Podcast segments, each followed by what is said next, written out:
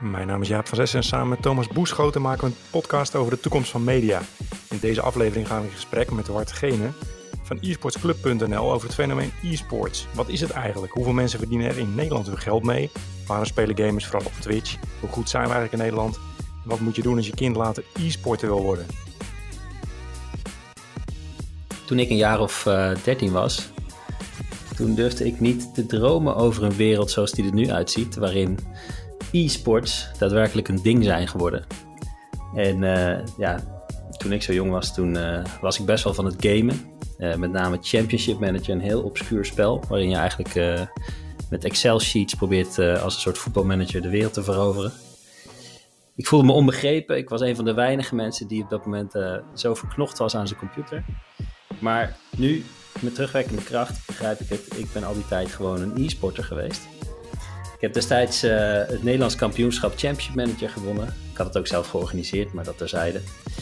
En uh, als ik nu zie hoe de wereld er nu uitziet, dan kan ik alleen van dromen dat de wereld er zo uitzag toen ik zo jong was. Uh, toen ik nog moest inbellen via internet, omdat mijn moeder toevallig ging internetten, mocht ik ook. Nou, tegenwoordig heeft iedereen breedband en zitten jongeren de hele dag door fantastische spellen te spelen online. competitie te bedrijven en enorme bakken geld daarmee te verdienen zelfs. Um, we hebben de gast uh, Bart. Bart Gene, spreek ik het zo goed uit? Ja, inderdaad, Bart Gene. Welkom Bart. Um, jij uh, weet alles van e-sports. Dat, uh, dat beweer ik wel eens en dan probeer ik af en toe dan maar te hopen dat er bepaalde vragen die komen die ik die ik dan ook echt goed kan beantwoorden. Maar uh, nee, door de afgelopen jaren, en jij vertelt al een heel mooi jeugdverhaal. Nou ja, zo heb ik er ook wel één met hoe ik er in contact mee uh, ben gekomen. Maar ja, door al die jaren heen er zoveel mee bezig zijn geweest, kan ik denk ik wel aardig wat vragen beantwoorden. Ja. Wat zou je zeggen tegen de 13-jarige ik, die spijbelt van school, die eigenlijk alleen nog maar computerspelletjes wil spelen, die online met zijn vrienden wil babbelen? En ja. die grappig is, jouw verhaal is een beetje mijn verhaal. Want toen ik 15 was, toen speelde ik ook met mijn inbelverbinding. En uh, hadden we ISDN. en uh, weet je, dan konden mensen één iemand bellen uh, en, iemand, en ik kon gamen. En in een dorp. En ja, toen, toen, speelde ik twee wedstrijden in de week. En ik trainde één keer. En het weekend ging ik gewoon stappen. Oh, wacht heel even. Wat voor wedstrijden speelde jij op je 15-jarige leeftijd? Ik speelde de game Tactical Ops.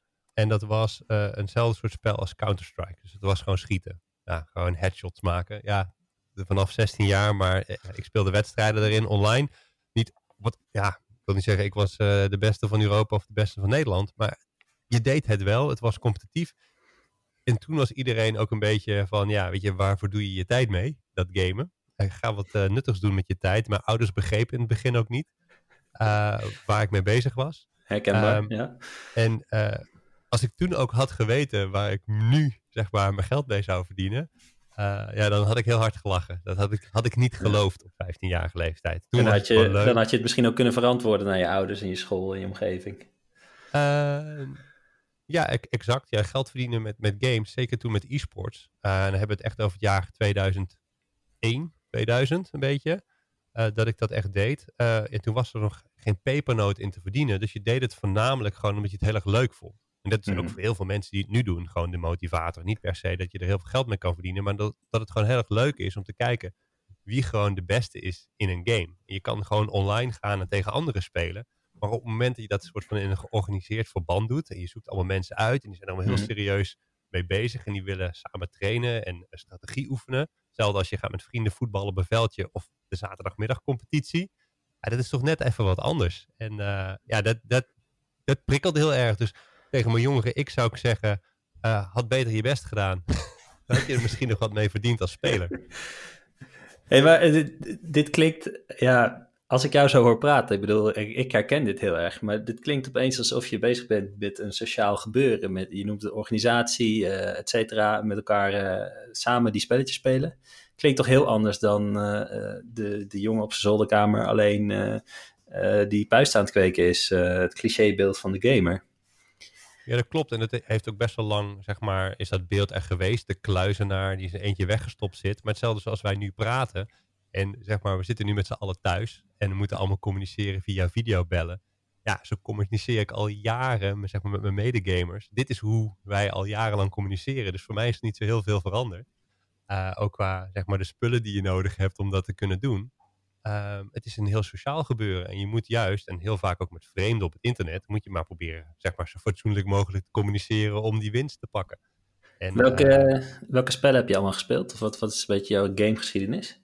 Um, nou, ik heb op een gegeven moment uh, werd ik uh, reviewer, dus game reviewer. Dat was eigenlijk een soort van mijn eerste echte betaalde baan, om het zo maar te zeggen, voor het grootste gameblad van Nederland, Power Unlimited. En dan mocht ik de mhm. wereld overvliegen om als eerste bepaalde games te spelen. En daardoor heb ik echt heel veel verschillende games gespeeld. Zoals Call of Duty, Final Fantasy, dat soort titels. Um, maar vroeger speelde ik voornamelijk point-and-click adventures. Uh, zoals Monkey Island en dat soort zaken. Wacht, wacht even. Ik moet even inbreken, jongens. Want, ja. uh, ik was dus een gast die tot de vierde heel veel championship manager heeft gedaan op middelbare school. En toen, toen de landparties begonnen, toen koos ik voor de gewone parties. Uh, heb ik nu wel spijt van als ik jullie zo hoor. Maar ik, ik denk even de gemiddelde...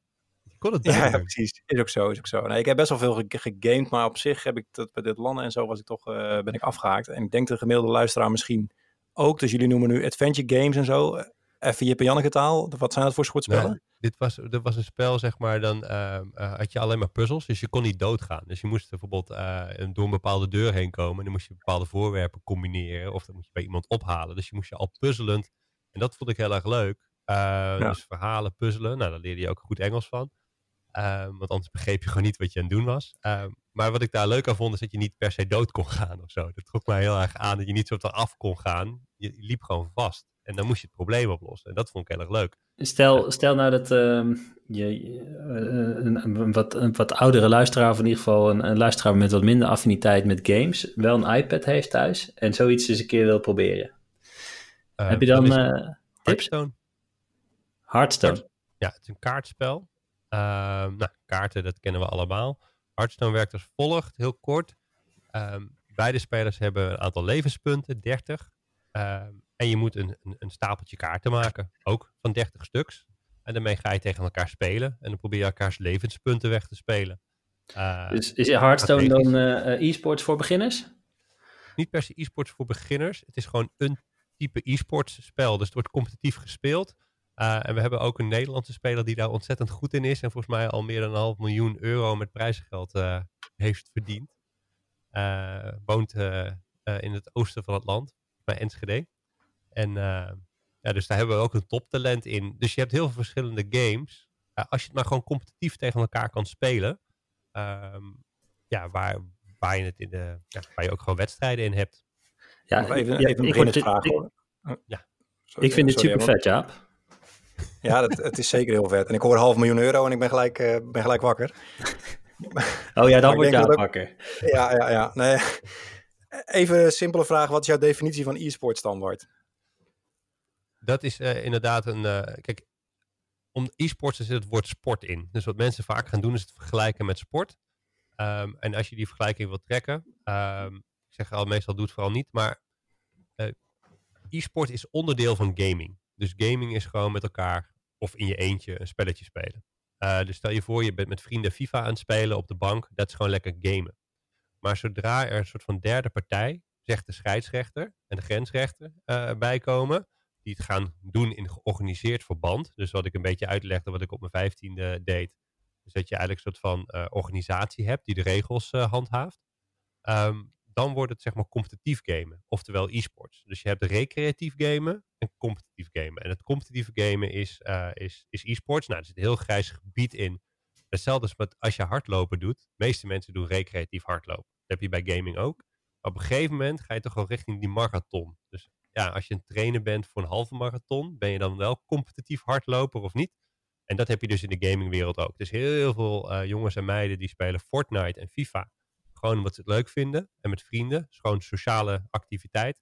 En sommige mensen, uh, waaronder mijn neefje van 13, die wil heel graag naar het WK. En die doet echt alles eraan om uh, betere hardware te hebben, om voordeel te hebben in het spel, om maar punten te halen voor de wereldranglijst. En ja, daar zijn de meeste mensen niet mee bezig. Maar een aantal jongens en meiden zijn dus wel echt bezig met dat competitieve onderdeel van gamen. Maar jongens, uh, zoals jouw neefje, zeg maar, hè, die, uh, die is dan 13 jaar oud. Dat is ook ongeveer de leeftijd dat het uh, nou, dat het pittig begint te worden op de middelbare school.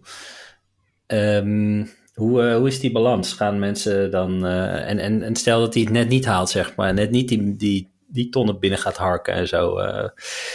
Hoe, hoe, hoe ziet dat eruit in deze wereld? De top 1% verdient het grote geld, maar dat is in sport net zo.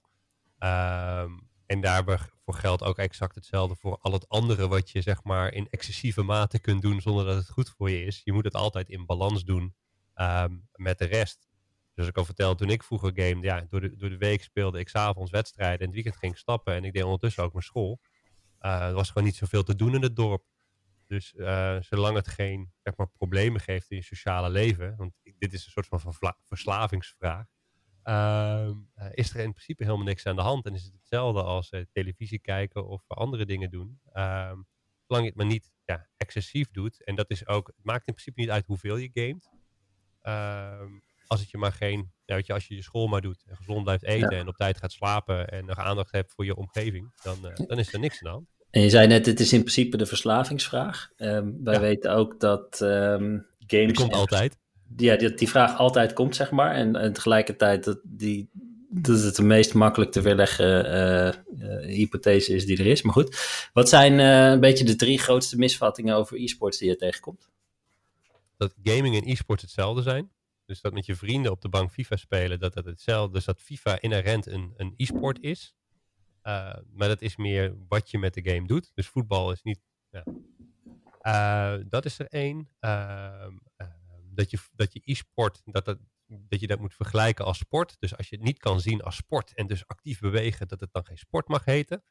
Eh, die ja, het fysieke uh, element bedoel je? Ja, het dus fysieke element. Maar als je dus als, naar sport kijkt als het competitieve element en het bewegen daar niet bij ziet als definitie, dan kan ja. het wel. Maar voor mij hoeft het niet eens e-sport te eten. Vroeger heette het ook gewoon cyberatleten en cybersport.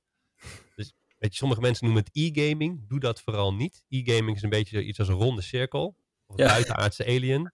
Dat, ja, het is een beetje dubbelop. Ja, ja, ja. Uh, gaming is al digitaal. Wat is nog meer? Uh, oh ja, de opvatting is dat als jij dat, dat je neefje mee kan doen aan het WK van welke competitieve game dan ook. Uh, dat je daar niks voor hoeft te doen en dat iedereen zeg maar wereldkampioen kan worden, want het is maar een spelletje.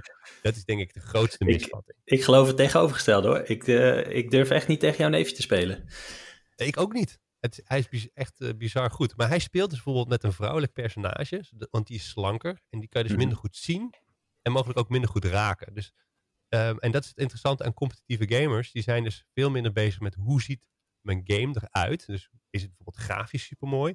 Maar heel veel competitieve gamers spelen op hele lage grafische settings. Dus dan ziet het spel er niet zo heel mooi uit. Maar dan zie je bijvoorbeeld een bepaalde boom niet, waardoor je je tegenstander wel ziet. Dus ze benaderen ook zeg maar uh, uh, PC-hardware heel anders. En sommige hardwareboeren maken ook bepaalde geheugenmodules die beter werken op lage settings dan op hoge settings. Wat wow. goed is voor competitief gamen. Dus het is een. Maar dat klinkt ook bijna alsof die gameontwikkelaar even ergens een steekje heeft laten vallen. Uh, nee, omdat zeg maar de, de meeste mensen zeg maar gewoon... Uh, en, oh ja, en, en wat, wat, wat je ook moet begrijpen aan competitief gamen... De meeste games die zijn uitgebracht, zijn niet uitgebracht met het idee dat het een e-sport wordt. Bijvoorbeeld de game Hearthstone was helemaal niet bedoeld als, als e-sport, maar heel veel mensen gingen dat competitief spelen. En nu is het dat geworden. Dus vaak wordt een game, uh, heel veel games die uit zijn gebracht als, oh, dit moet een e-sport worden, die halen het dan niet. En sommige games die gewoon niet bedoeld zijn als e-sport. Bijvoorbeeld Fortnite is echt gewoon niet per se bedoeld als, uh, als e-sport, maar dat wordt het dan in, ineens. Dus dan is dat er ook niet per se helemaal geschikt voor. Dus dit, dat is heel, een hele interessante uh, uh, dynamiek. Maar het zijn dus, alles is dus een game, dus alles is gaming. En een stukje is e-sport. Okay. Vertel eens hoe dat dan werkt. Waarom het een e-sport wordt, is omdat er een geldprijs bij komt. Wie nee. heeft er dan belang bij die prijs? Of? Um, kan op twee manieren. Dat kan dus vanuit uh, de, de, de maker van de game. Nou, vroeger dus niet, maar tegenwoordig wel. Want dan denken ze, nou, dat is hele goede marketing voor mijn game als het competitief gespeeld wordt. Maar je hebt uh, in de basis heb je een groep mensen nodig die de game competitief wil spelen, ongeacht of daar een prijs aan hangt. Dus je hebt dus eigenlijk mensen nodig die op woensdagavond met elkaar, met vijf man besluiten, wij gaan meedoen aan deze competitie. Wat je bijvoorbeeld met voetbal ook hebt. Veel mensen doen het gewoon voor de derde helft. Maar zo zijn er ook heel veel mensen die soort van hobbymatig competitief gamen. Uh, die doen het niet voor het geld. En als je daar dus heel veel spelers van hebt, heb je een hele goede basis uh, om een e-sport te worden. En dat zag je dus ook bij, bij Hearthstone. Er waren gewoon heel veel mensen die wilden dat competitief in wedstrijdverband met elkaar spelen. en hebben ze eigenlijk gewoon de, de uitgever van de game soort van geforceerd om ja, dingen toe te voegen aan de game, waardoor dat makkelijker kon. Ehm, en die, die game is nog steeds iets technisch helemaal geschikt daarvoor. uh, dus dat is dan weer interessant. Uh, ja, dus je hebt in, in principe een game nodig waarmee het kan. Uh, en je hebt een spelersgroep nodig die breed genoeg is. Ehm, tussen amateurs en mensen die het echt super serieus doen. om ja, die game ook financieel in stand te kunnen houden. Hey, je noemde net uh, je neefje, die uh, het redelijk goed kan. En die jongen uit Oost-Nederland, zeg maar, die uh, goed is in mm Hearthstone. hoe goed zijn Nederlanders eigenlijk in e-sports? Hebben wij iets te vertellen op de internationale podia? Of zijn er bepaalde games waar wij in het bijzonder goed in zijn, of juist niet? Moeten we al oranje geleed naar een WK? Over het algemeen hebben wij niet zo heel veel te vertellen. Oh. Op de huidige e-sports evenementen. Maar we hebben de gloriedagen gehad. En dat was 2004, 2005. Toen waren we een soort van Olympisch kampioen uh, Oh, wow, dus allerlei sporten door elkaar eigenlijk is dat dan? Of, uh, hoe, ja, nee, dan had je een soort van meerdere games. En dan had je een soort van medaillespiegel, net als bij de Olympische Spelen. En wij hadden de me ja, in de medaillespiegel waren wij het best. Dus we hadden volgens mij twee of drie gouden medailles, een bronzen en een zilveren. En in die, in die dagen, ja, weet je, toen was het internet in Nederland nog zoveel beter dan de rest van de wereld. En had je echt gewoon een soort van infrastructuurvoordeel. Uh, en dat was ook de tijd zeg maar, dat wij een beetje competitief uh, aan het gamen waren. Dus het echt een beetje begindagen van nou, dat het echt wel uh, via het internet ook echt aan het opkomen was. Ja, met 2004, 2005 klinkt wel echt al oldschool. Ja, toen stond, maar het stond ook echt in de krant. Hè? Dus had je dus ook echt een jonge een Nederlander, Sander Kaasjager, Voe heet hij, die had al een kwart miljoen verdiend in 2005. Interview in de NRC. Um, ehm, zeg van, dit wordt het nieuwe normaal. Nou, daar zitten we nu ook weer een soort van. Dus de geschiedenis herhaalt zich al. Um, dus, toen waren we echt top. En daarna zijn we een soort van de aansluiting met de wereld verloren. We hebben wel een aantal Nederlandse toppers. Dus we hebben wel zeg maar bij uh, Bayern München voetbal dan toevallig wel Robben. En we hebben, uh, en we hebben Van Persie. Die hebben we wel. Maar we hebben niet echt Nederlandse teams die bijvoorbeeld op wereldniveau het ja, heel goed presteren of consistent uh, presteren. We hebben geen Ajax van 1995, zeg maar. Nee, daar waar je ziet dat bijvoorbeeld een, een, een Duitsland, een Denemarken, Zweden, uh, Spanje, uh, zeg maar echt de landen om ons heen hebben dat wel. Dus... Maar hoe, hoe, hoe werkt dat dan? Want ik kan me voorstellen dat er niet echt een soort van beleid is of beleid gemaakt wordt, uh, zoals er een topsportbeleid wel is in Nederland over niet-e-sport, zeg maar. Dus, dus dat dat een beetje, werkt het dan zo dat het gewoon een beetje natuurlijk in elkaar dondert, zeg maar? Of... Nou, er, zitten, er zijn verschillende factoren. Uh, hoeveel mensen wonen er in je land. Uh, maar Zuid-Korea is lang gezien als het mekka voor e-sports. En dat kwam omdat in 2000 is soort van e-sports gereguleerd. Dus toen is de overheid zich ermee gaan bemoeien. Die zag dat mensen soort van in internetcafés, daar is de internetcafé-cultuur echt heel groot. Uh, dat ja, daar competitief gegamed werd. Dus dan moest je ook een licentie halen als speler. En samen met bedrijven als Samsung is dat toen ook een soort van uh, ja, internet-tv-product geworden. Dus vanaf 2000 zag je in Zuid-Korea al, ja, weet je, en dan met reguleren bedoel ik ook dat je bijvoorbeeld belastingvoordeel kan hebben. Weet je, word je een vennootschap, word je een BV, weet je, wat word je als e-sportsorganisatie? Dus zij zijn er allemaal regels voor op gaan stellen. Nou, zou jij uh, ervoor pleiten om dat ook in Nederland in te voeren? Ja, omdat bijvoorbeeld die jongens die heel veel prijsgeld verdienen, ja, moet je 50% afstaan. Uh, hoe doe je spelerscontracten? Uh, dus uh, maar op zich dat ze er moeten afstaan, terug, dat ja, klinkt niet heel onredelijk, toch? Nee, misschien goed om daar zo heel even op terug te komen. Maar waar oh. bijvoorbeeld in, in, Zuid-Korea, maar bijvoorbeeld in Duitsland ook heel groot. In Duitsland heb je bijvoorbeeld een hele grote toernooiorganisator gehad. Uh, eh, ESL, die nog steeds heel groot is. Daar kreeg je ook allemaal soort van badges. In uh, Scandinavië heb je bijvoorbeeld het grootste digitale festival. Zeg maar de Lowlands van Zweden is een gamefestival. Uh, Dreamhack. Dus dat zit daar veel meer in, de, in, de cultuur. En daarnaast, dat is allemaal PC-gaming, wat veel meer e-sports uh, is vanuit historisch oog, oogpunt. En in Nederland gingen we veel meer naar de consoles doen. Misschien omdat GameKings en Power Limited veel meer console-achtige cultuur was. Hmm. Um, maar waarom is het goed om te reguleren? Omdat als je bijvoorbeeld nu uh, ziet de contracten tussen spelers en teams. Ja, hoe moet zo'n contract eruit zien? Um, er is geen instantie in Nederland die dat bewaakt die bijvoorbeeld zegt: oké, een spelerscontract, bijvoorbeeld bij zijn sportbond, moet aan bepaalde eisen voldoen. Dat heb je bij e-sports niet. Dus ja, om het, om het heel plat te zeggen. Je kan als speler gewoon genaaid worden door organisaties. Je kan uitgebuit worden. En daardoor is het belangrijk dat er een soort van blauwdruk komt, of een, een regelgeving of een handhaving. Niet zozeer om te zeggen je mag zoveel gamen, maar wel dat als jij een contract afsluit, of je moet dat aangeven bij de belasting, of hoe werkt dat dan? Moet je in loondienst als speler? Dat daar wel regels voor zijn. Maar dit, je... dit, dit, klinkt als een uitstekend plan, maar die 50% eh, belasting betalen, dat, ja, dat, dat hoort er toch een beetje bij, of niet? Dat is... Uh... Ja, dat gebeurt dus ook. Dus soms zie je dat ze spelen, zeker bij het WK Fortnite. Onze speler, eh, volgens mij 2,5 miljoen. En volgens mij moest hij uh, 1,2 miljoen afdragen. En nog wat. Dus een stukje in de staat waar hij het gewonnen had, uh, in New York. En een, stukje, een heel stuk in de staat waar hij woonde. Dat was een Amerikaan. Uh, dus dat zie je ook. Maar ja, partijen die wat meer verstand hebben van hoe je dat zakelijk regelt, die doen dat dus niet dat, dat uh, prijsgeld innen privé, maar die doen, doen, dat bijvoorbeeld zakelijk op een BV, waardoor je minder belasting betaalt. Hm. Dus, maar dat is meer financieel, hoe je dat dan kan regelen met het prijsgeld als je veel wint. Maar dat zijn bijvoorbeeld allemaal dingen, dat als jij begint als 15, 16-jarige speler, je tekent ergens een contract en je wint heel veel geld ineens, wat zou kunnen, uh, ja, daar wil je wel goed in geadviseerd worden. En die infrastructuur, die hebben we bijvoorbeeld in Nederland niet, maar in andere landen om ons heen begint dat wel steeds meer te komen. Maar als je een inschatting moet maken, zeg maar, uh, hoe groot is e-sports in Nederland een beetje? Zeg maar, hoeveel mensen zou je onder de e-sporters kunnen scharen? Wat, uh, wat voor getallen moeten we eigenlijk denken? Ik denk dat er heel veel mensen competitieve gamen. Ik denk mm -hmm. ook dat er heel veel mensen competitief gamen kijken. Maar dat zijn allemaal internationale toernooien voornamelijk. In plaats van dat ze naar de Nederlandse competitie kijken, zegt de eredivisie, kijken ze bijvoorbeeld veel meer naar de Champions League. Ja. Omdat uh, ook het hele e-sports gebeuren is niet zo gecentreerd rondom nationale elftallen. Of vijftallen of zestallen. Ja. Uh, maar het gaat eigenlijk allemaal om teams. Uh, dus vaak zie je binnen een team meerdere nationaliteiten. Dus het draait ook niet zozeer om, oh, dit is het Nederlandse team of dit is het Duitse nee. team. Zo is het niet ingericht. Dus het is meer Bayern München tegen Real Maar hoe, hoe, groot is het publiek in Nederland voor dat soort teams, of voor, voor, uh, voor dit soort evenementen? Zijn dat, uh, hoeveel mensen moet ik denken? Dat is uh, tussen de half miljoen en anderhalf miljoen, denk ik.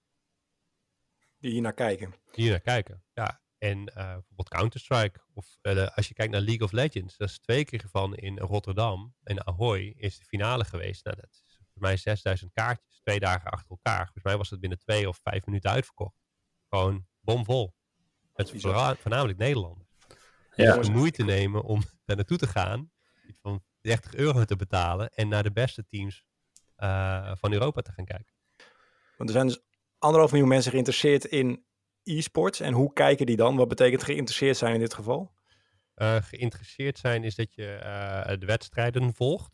Uh, en dat doe je voornamelijk als e-sports fan via Twitch. Althans, dat deden de afgelopen jaren. Dat is een livestreaming platform. Um, volgens mij 2014 gekocht voor een miljard door Amazon. Um, en, en dat is vergelijkbaar met YouTube. Alleen bij YouTube gaat het voornamelijk om video's kijken. Daar is livestreaming later ook wel echt een groot onderdeel van geworden. Maar Twitch draait volledig om livestreaming en doet eigenlijk al sinds 2011 bijna alle e-sports wedstrijden uitzenden. Um, en, en daar is nu gewoon een soort van biedingsoorlog gaande met kijk- uh, of uitzendrechten. Dus YouTube heeft bepaalde rechten voor bepaalde games. Twitch, Facebook probeert ook nog wat mee te doen daarin. Met wie en, maken ze die, uh, die afspraken dan? Is dat met de ontwikkelaar van die game? Met de ontwikkelaar of, of de, de uitzender van die content. Maar vaak is het ontwikkelaar okay. van die game die ook uitzender is geworden. Maar stel van, nou dat, want als je het dan over recht hebt, dan heb je het over de, de, de toernooi of zo. Want als ik zelf een game heb en ik ga die streamen, dan zit niemand daartussen toch? Of? Nee, nee, dat kan gewoon. Alleen op het moment dat je commercieel natuurlijk geld ermee gaat verdienen, uh, dan wil een, uh, op een bepaald punt een, natuurlijk een maker van een game daar wel van mee profiteren. Dus stel je voor, jij uh, uh, zet toernooien op en het wordt heel groot. Uh, je gaat ja. stadions ermee vullen. Ja, dan moet je wel een keer zeg maar in contact ja. komen met, met de ontwikkelaar. Maar daar gaan dus mensen kijken. En dat zijn voornamelijk internationale toernooien. Dus ik keek in 2011 keek ik voornamelijk naar de Koreaanse League. Um, ja, stel je voor je bent Albert Heijn of Coolblue. En je gaat niet de Europese League of Legends competitie sponsoren, want dan krijg je de rest van Europa erbij. Dus het is voornamelijk nog maar als je daarnaar kijkt, voor multinationals interessant. Uh, er zijn niet per se lokale uh, producten, alle lokale competities die zo groot zijn en aandacht trekken. En dat komt een beetje omdat e-sports ontwikkelt zich anders dan sport.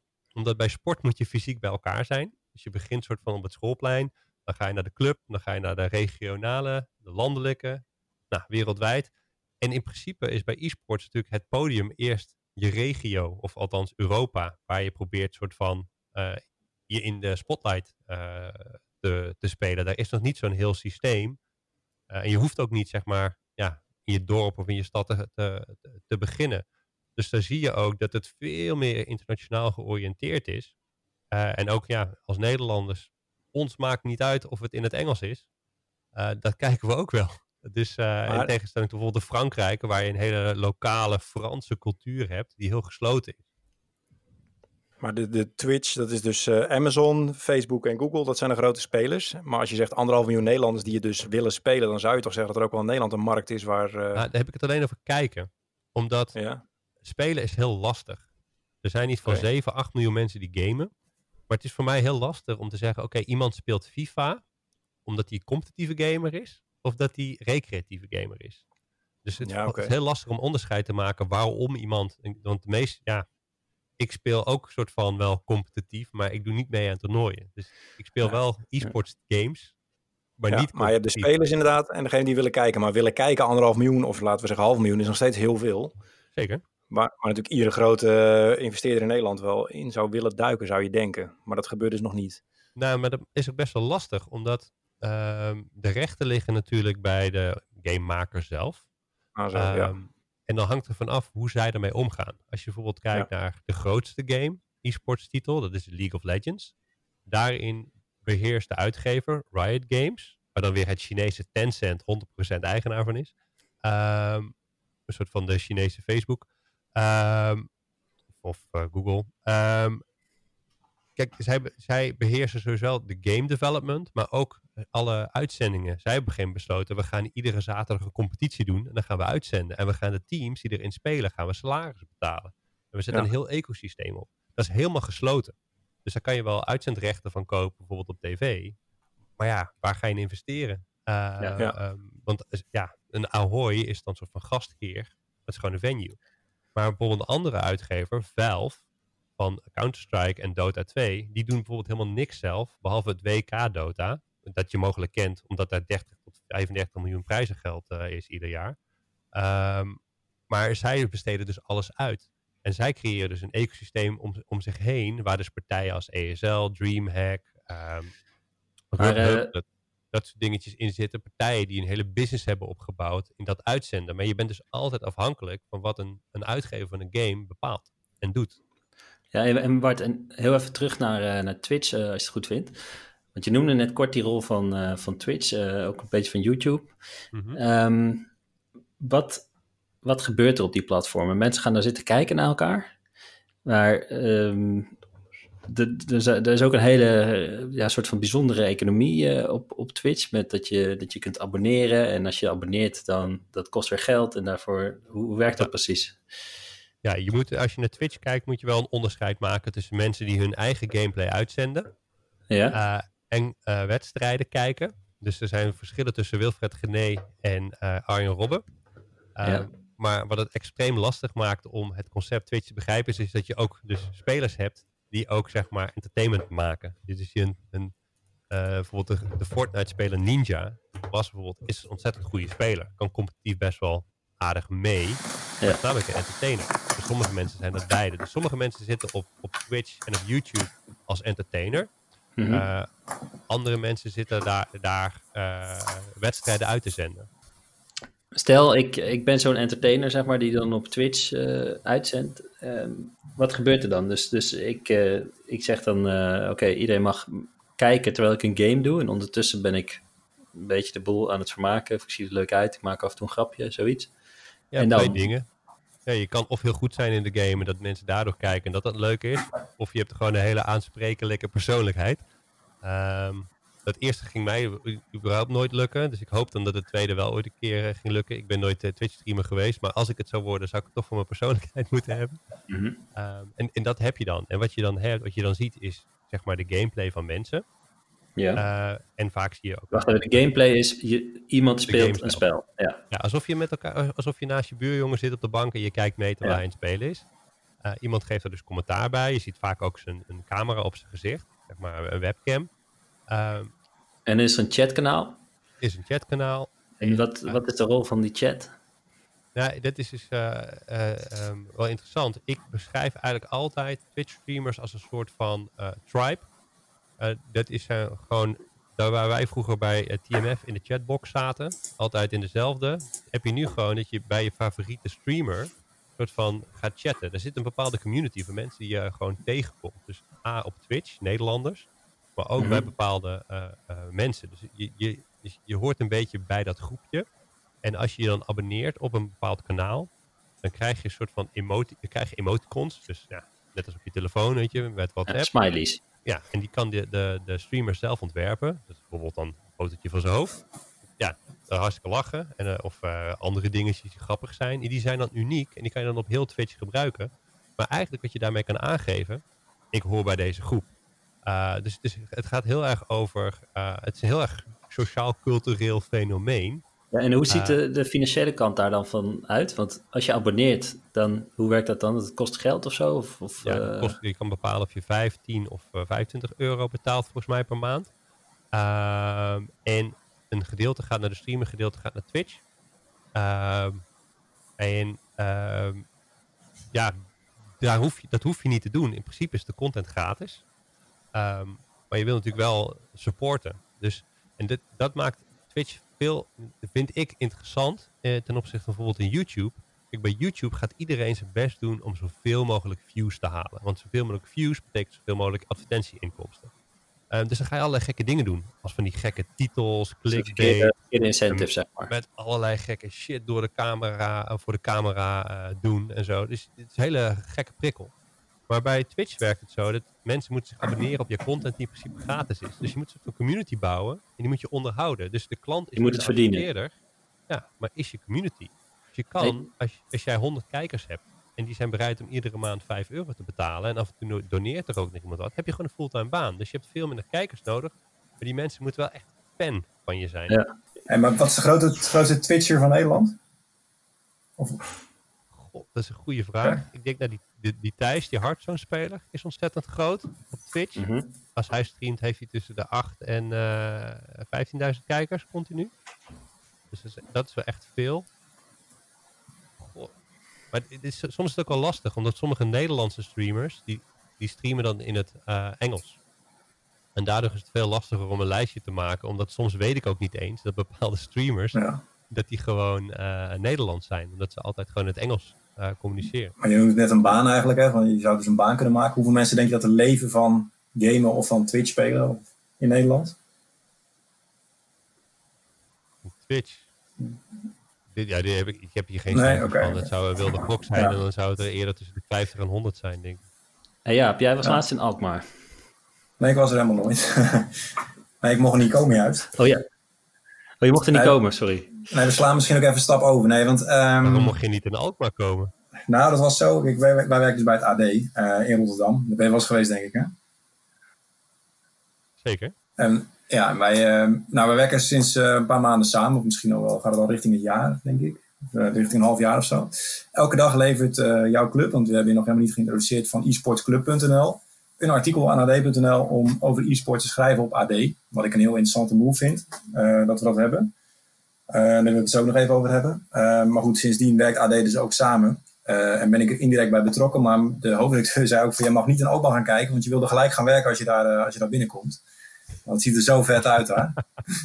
Klopt dat? Het schijnt echt een heel mooi gebouw te zijn. Ja, in Alkmaar, ja, daar kom ik dus nu ook niet meer. Dus ik zit altijd op deze plek op zolder nu te werken. maar in Alkmaar ehm, ehm, valt uh, e-sports club valt samen met onder andere team Gullet. Uh, dus het FIFA-team van Ruud Gullet valt onder bedrijf Tripples, een IT-bedrijf. Er zijn heel veel mensen, dus programmeurs, die allemaal apps bouwen en websites en andere applicaties. Ja, en e-sports is daar gewoon een ding, gaming is daar gewoon een ding. ook zeg maar onder het bestuur. Dus nou, daar hebben we een hele vette simrace setup. de kantine staat vol met gameconsoles. zeg maar, ja, er is ook een tafeltennistafel. Maar je kan ook lekker gamen. Super Smash Bros. Mario Kart, FIFA.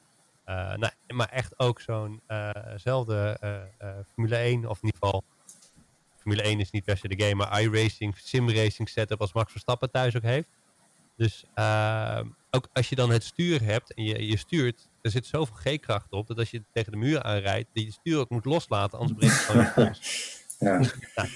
VR-dingetjes. Uh, nou, voor, voor, voor nerds onder elkaar en gamers is het uh, een leuke plek om te werken. En mag je er ook gewoon, uh, mo mogen mensen er ook langskomen? Uh, laten jullie ook bezoekers toe? Je mag gerust langskomen als je er langskomen. Ja, ik, met, we moeten een keer het hebben over onze samen, samenwerking. Dan kan je natuurlijk altijd ja. onder dat excuus gewoon een dagje komen. Ja, precies. Maar je gaat het niet openzetten voor een luisteraar die, die het super vet vindt om dat eens een keer te zien of zo. Het is echt wel... Nee, ja, het is echt voor de mensen die daar werken. We sloegen wat stappen, en, sloegen wat stappen over. Team Gullit hoorde ik, daar ben ik eigenlijk heel benieuwd naar. Maar ook wel van, joh, e-sport club. Jij zei van mijn eerste baantje was uh, review Power Limit. Toen, toen dacht ik nog oké. Okay. En daarna zei toen vloog ik de hele wereld over. Hoe, hoe oud was je toen? Hoe oud was ik? Waarschijnlijk. 2011. Ik ben nu echt heel hard. 24. Ah, wel, nee. oké. Okay. Was ik 24? Het nee, maakt niet uit waar Ja. 26. Nee, oké. Het was niet dat je 16 ja, was. was. Dit was wat ik wilde toen ik 16 was. Ja. Wilde ik dit. Ja. Maar jij ging, Gamen en de wereld over. jij ging reviewen en vertel even wat er in de tussentijd in die jaren daartussen gebeurd is. Met jou. Nou, wat heel... nou het ding was, ik ging dus games reviewen en, uh, en dat spelen. Maar ondertussen begon het e-sports een beetje zijn, zijn, zijn derde golf te beleven met StarCraft 2. En ik vond dat super mooi, want ik had natuurlijk toen ik 15 was competitief gegamed, dus ik ging het helemaal volgen. Ik kreeg allemaal toernooien. Ja, en daar wilde dus niemand naartoe, behalve ik. Dus in 2011 ging ik ook al naar mijn eerste e-sports toernooien toe. Soms al stadions gevuld. Echt uh, iconische momenten ben ik gewoon fysiek bij geweest. Omdat gewoon ook werd gevraagd dan in de game-industrie.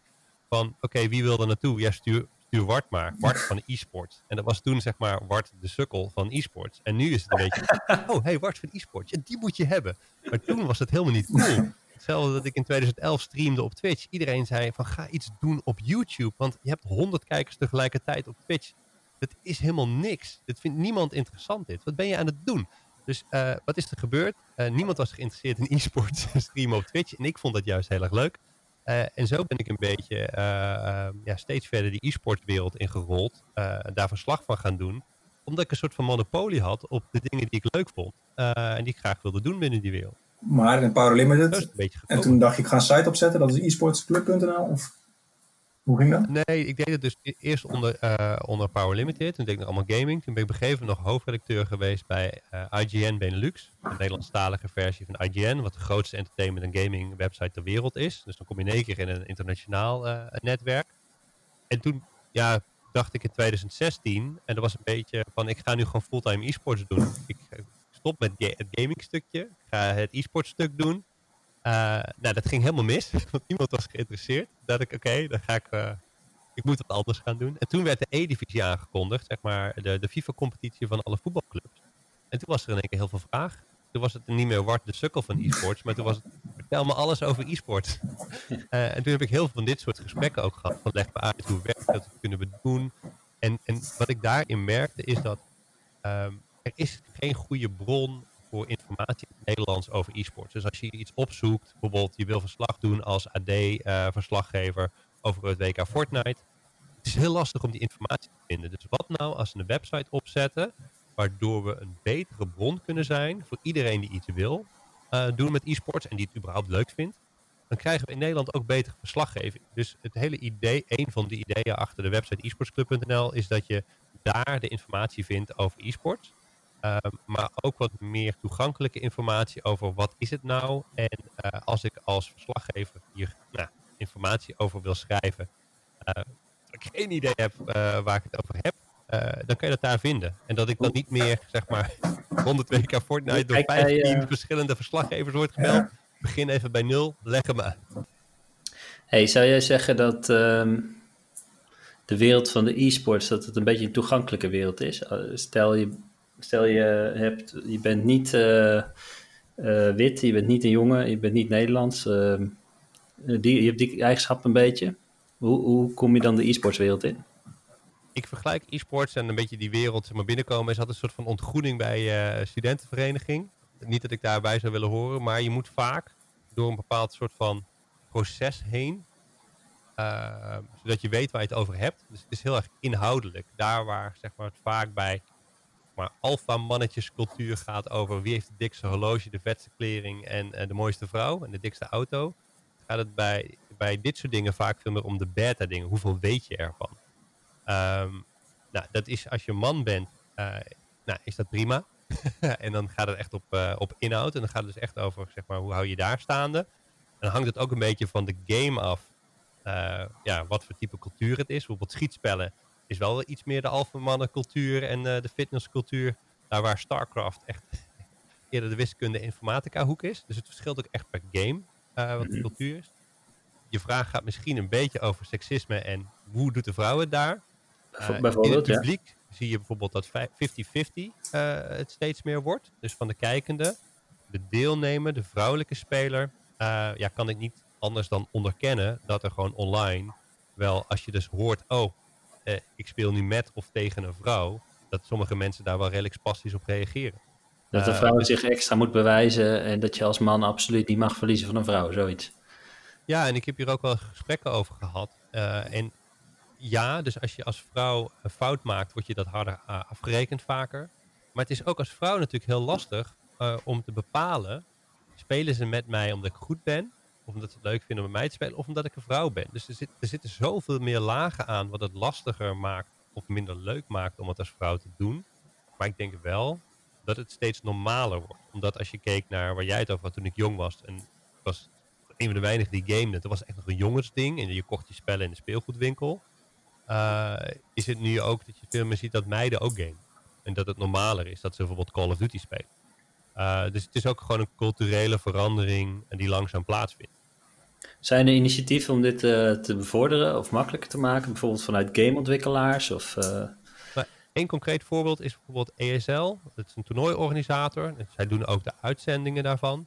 Zij hebben op een gegeven moment gezegd... we willen gewoon bij iedere uitzending willen we minimaal één vrouw hebben die commentaar geeft. Uh, je hebt dus bijvoorbeeld wel heel veel vrouwelijke commentatoren en presentatoren. Dus dat je gewoon vrouwelijk commentaar hebt bij een game. Uh, en zij zijn dat gewoon positief gaan stimuleren. Um, en, en, daarin zie je dus wel een hele goede balans. Dus in het hele commentaarvak zie je gewoon dat de diversiteit wel uh, gewoon heel goed is. Ja. En is het dan voor zo iemand die commentaar geeft, is het dan een veilige wereld om dit in te doen? Of als je de chat leest, nou, loop je bijna huilend weg? Ja, ik zou het bijna willen vergelijken met uh, vrouwelijke uh, uh, nieuwslezeressen en mannelijke. Ja, weet je, het gaat toch altijd over de schoenen van de nieuwslezeres. Terwijl heel, heel veel hebben echt fantastische schoenen aan. Maar dat, je wil natuurlijk gewoon op de inhoud beoordeeld worden. Maar ja. ik denk dat dat gewoon naast de gamewereld, geel, geel, geel, staat er dan in de chat. Dat dat ook gewoon een, een, een breder maatschappelijk ding is. Wat betekent dat dan, wat er in de chat staat? Geel is natuurlijk girl, alleen dan... Hm. niet zo geschreven. Maar uh, ja, zoals ik gezegd, ja, ja uh, ik, ik, het is niet zo dat alle gamers het stereotype zijn. Natuurlijk zitten er bepaalde van dat soort jongens tussen. Je bent jong, je zit in je puberteit, het, alles is spannend. Dat snap ik ook wel. Uh, maar het, het, is niet alsof die wereld super vrouwonvriendelijk is. Het is juist een heel inclusieve uh, wereld. Net als misschien een beetje wat de metal scene is. Het zijn allemaal mensen die net als ik, ja, ik was de sukkel omdat ik e-sports, maar binnen, binnen de e-sportswereld eigenlijk iedereen soort van wel geaccepteerd. Dus het is, het, er zijn ook geen hooligans in, in e-sport. Dus als je daar komt, dan heeft iedereen zoiets nou, we zijn blij dat je er bent, welkom. Uh, en als er wel zoiets gebeurt, dan worden de, de, de spelers spreken het publiek daarop aan. Het, het, is wel eens gebeurd dat er dan tegen een bepaald team werd gescandeerd door fans van een ander team. Nou, dan, dan komt gewoon iemand het podium op van het team en zegt, je moet even je bek houden. Ja. Uh, en, en, dus het is heel inclusief wel in, in die sfeer. Um, maar ja, luister, seksisme bestaat. Uh, maar dat is niet, dat is niet alleen in, in e-sports. Dat is denk ik net als uh, homofobie een veel breder maatschappelijk.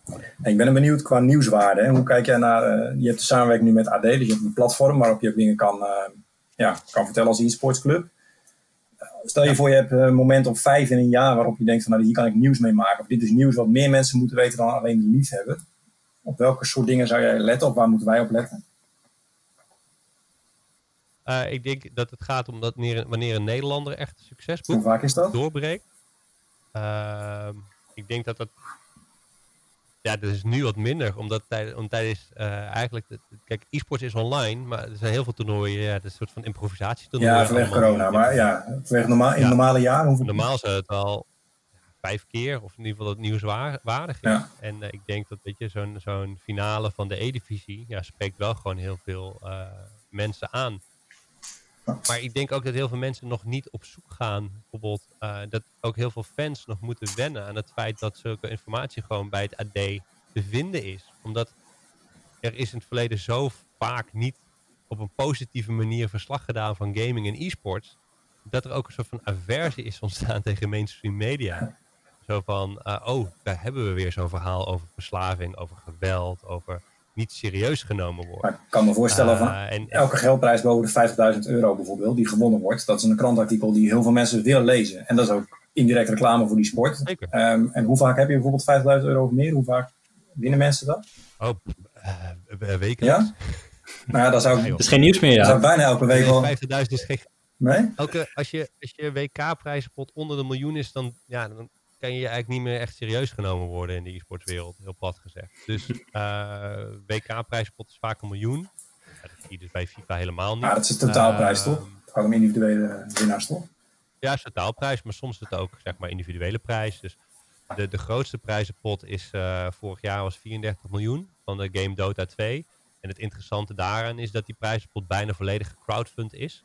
Uh, door spelers die een in-game item kopen. En dat is echt het ding. Dus de, de prijspot van 34 miljoen komt voort uit een, een, een in-game item dat verkocht wordt. En daar gaat 25% naar de prijzenpot. Ja. Dus de, de, de spelers van de game betalen dat.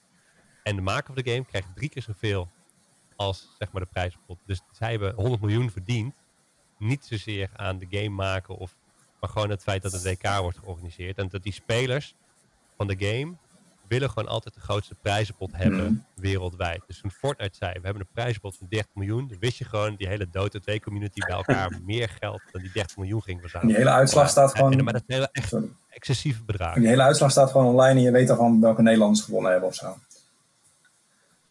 Ehm, nou, daar doen er gaan er geen Nederlanders in mee. Ehm, ehm, en, en dat is dan ook altijd een beetje de vraag. Ja, toen bij het WK Fortnite in één keer een jongen onverwachts tweede werd, ja, dan is dat massaal nieuws. Ja. eh, mainstream. Ehm, maar ik denk, ja, als er weer ergens eh 5 miljoen prijzengeld is, bijvoorbeeld van Rainbow Six, maar er doet geen Nederlander mee, ja, dan is het ergens wel nieuwswaardig. Ja. Maar niet, ja, ik denk niet per se mainstream. Dus je moet altijd het zoeken naar, de, weet je, een beetje nationalisme, Nee, daarom, maar die, eh, die, nationale die. Nederlanders die 50.000 winnen, Ja. dat heb je dus wel elke week, zeg je. Of begreep ik het nou verkeerd?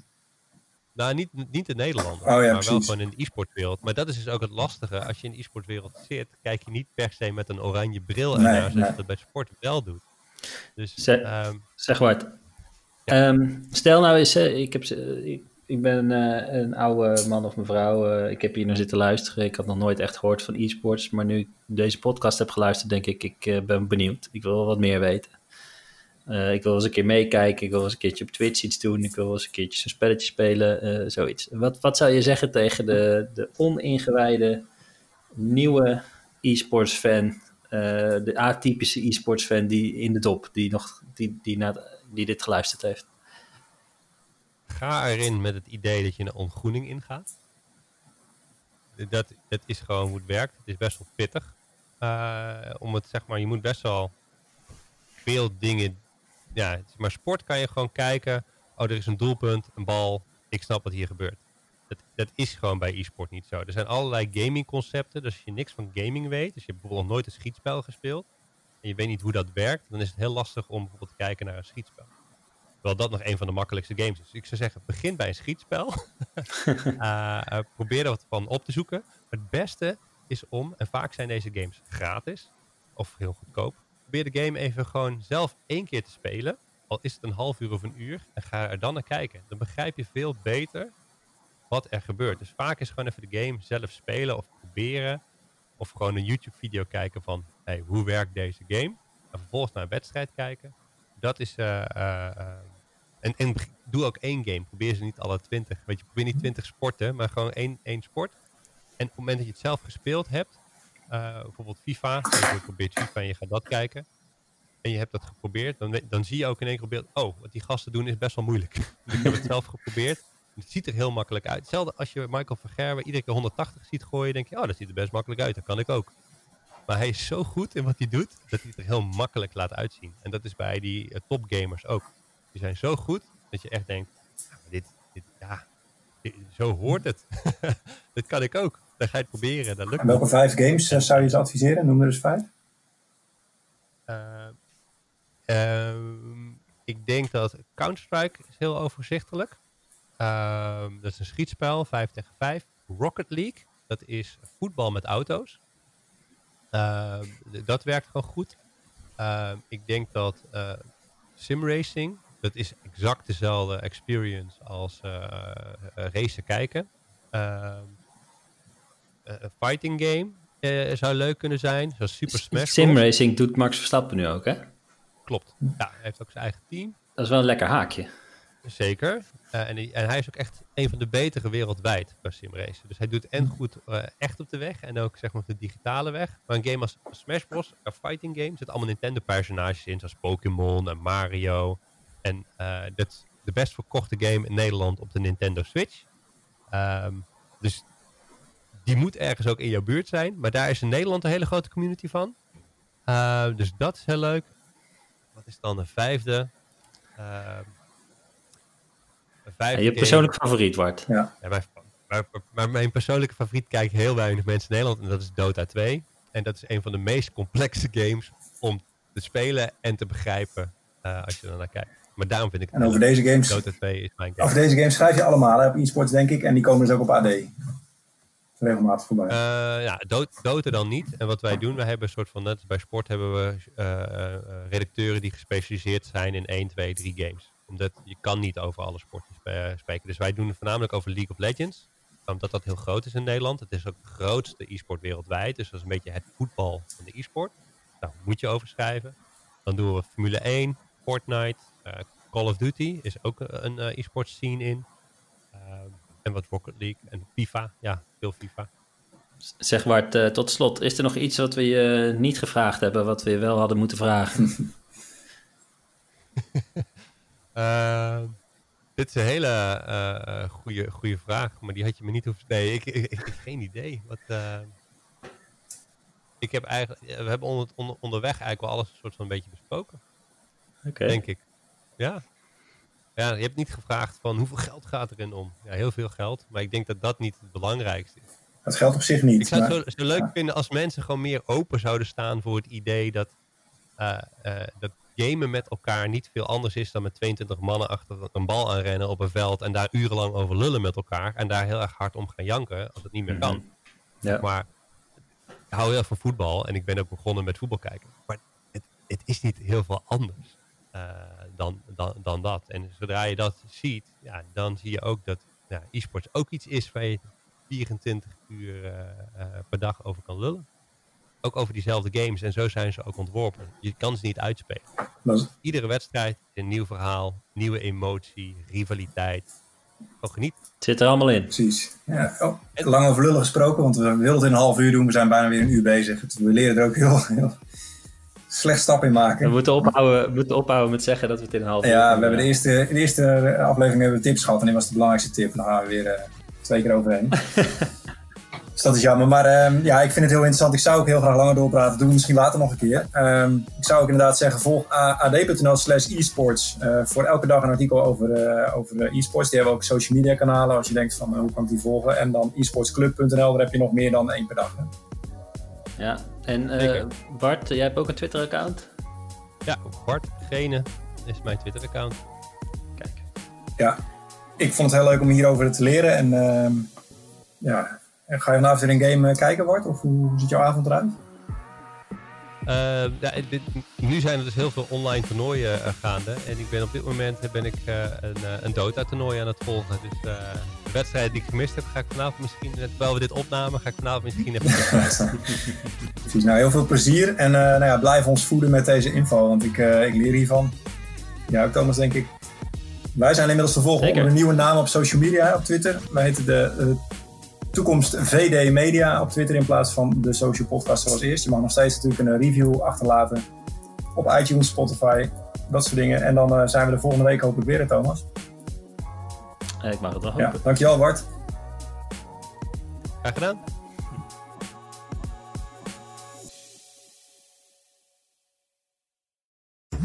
Worden dagelijks overladen met overbodige informatie. En het is moeilijk de zin van de onzin te scheiden. Daarom vertrouw ik op echte journalisten in plaats van meningen. Een krantenmens heeft het gemakkelijk. Word ook een krantenmens en lees je favoriete krant nu tot al zes weken gratis. Ga snel naar krant.nl. Bezorging stopt automatisch en op deze actie zijn actievoorwaarden van toepassing.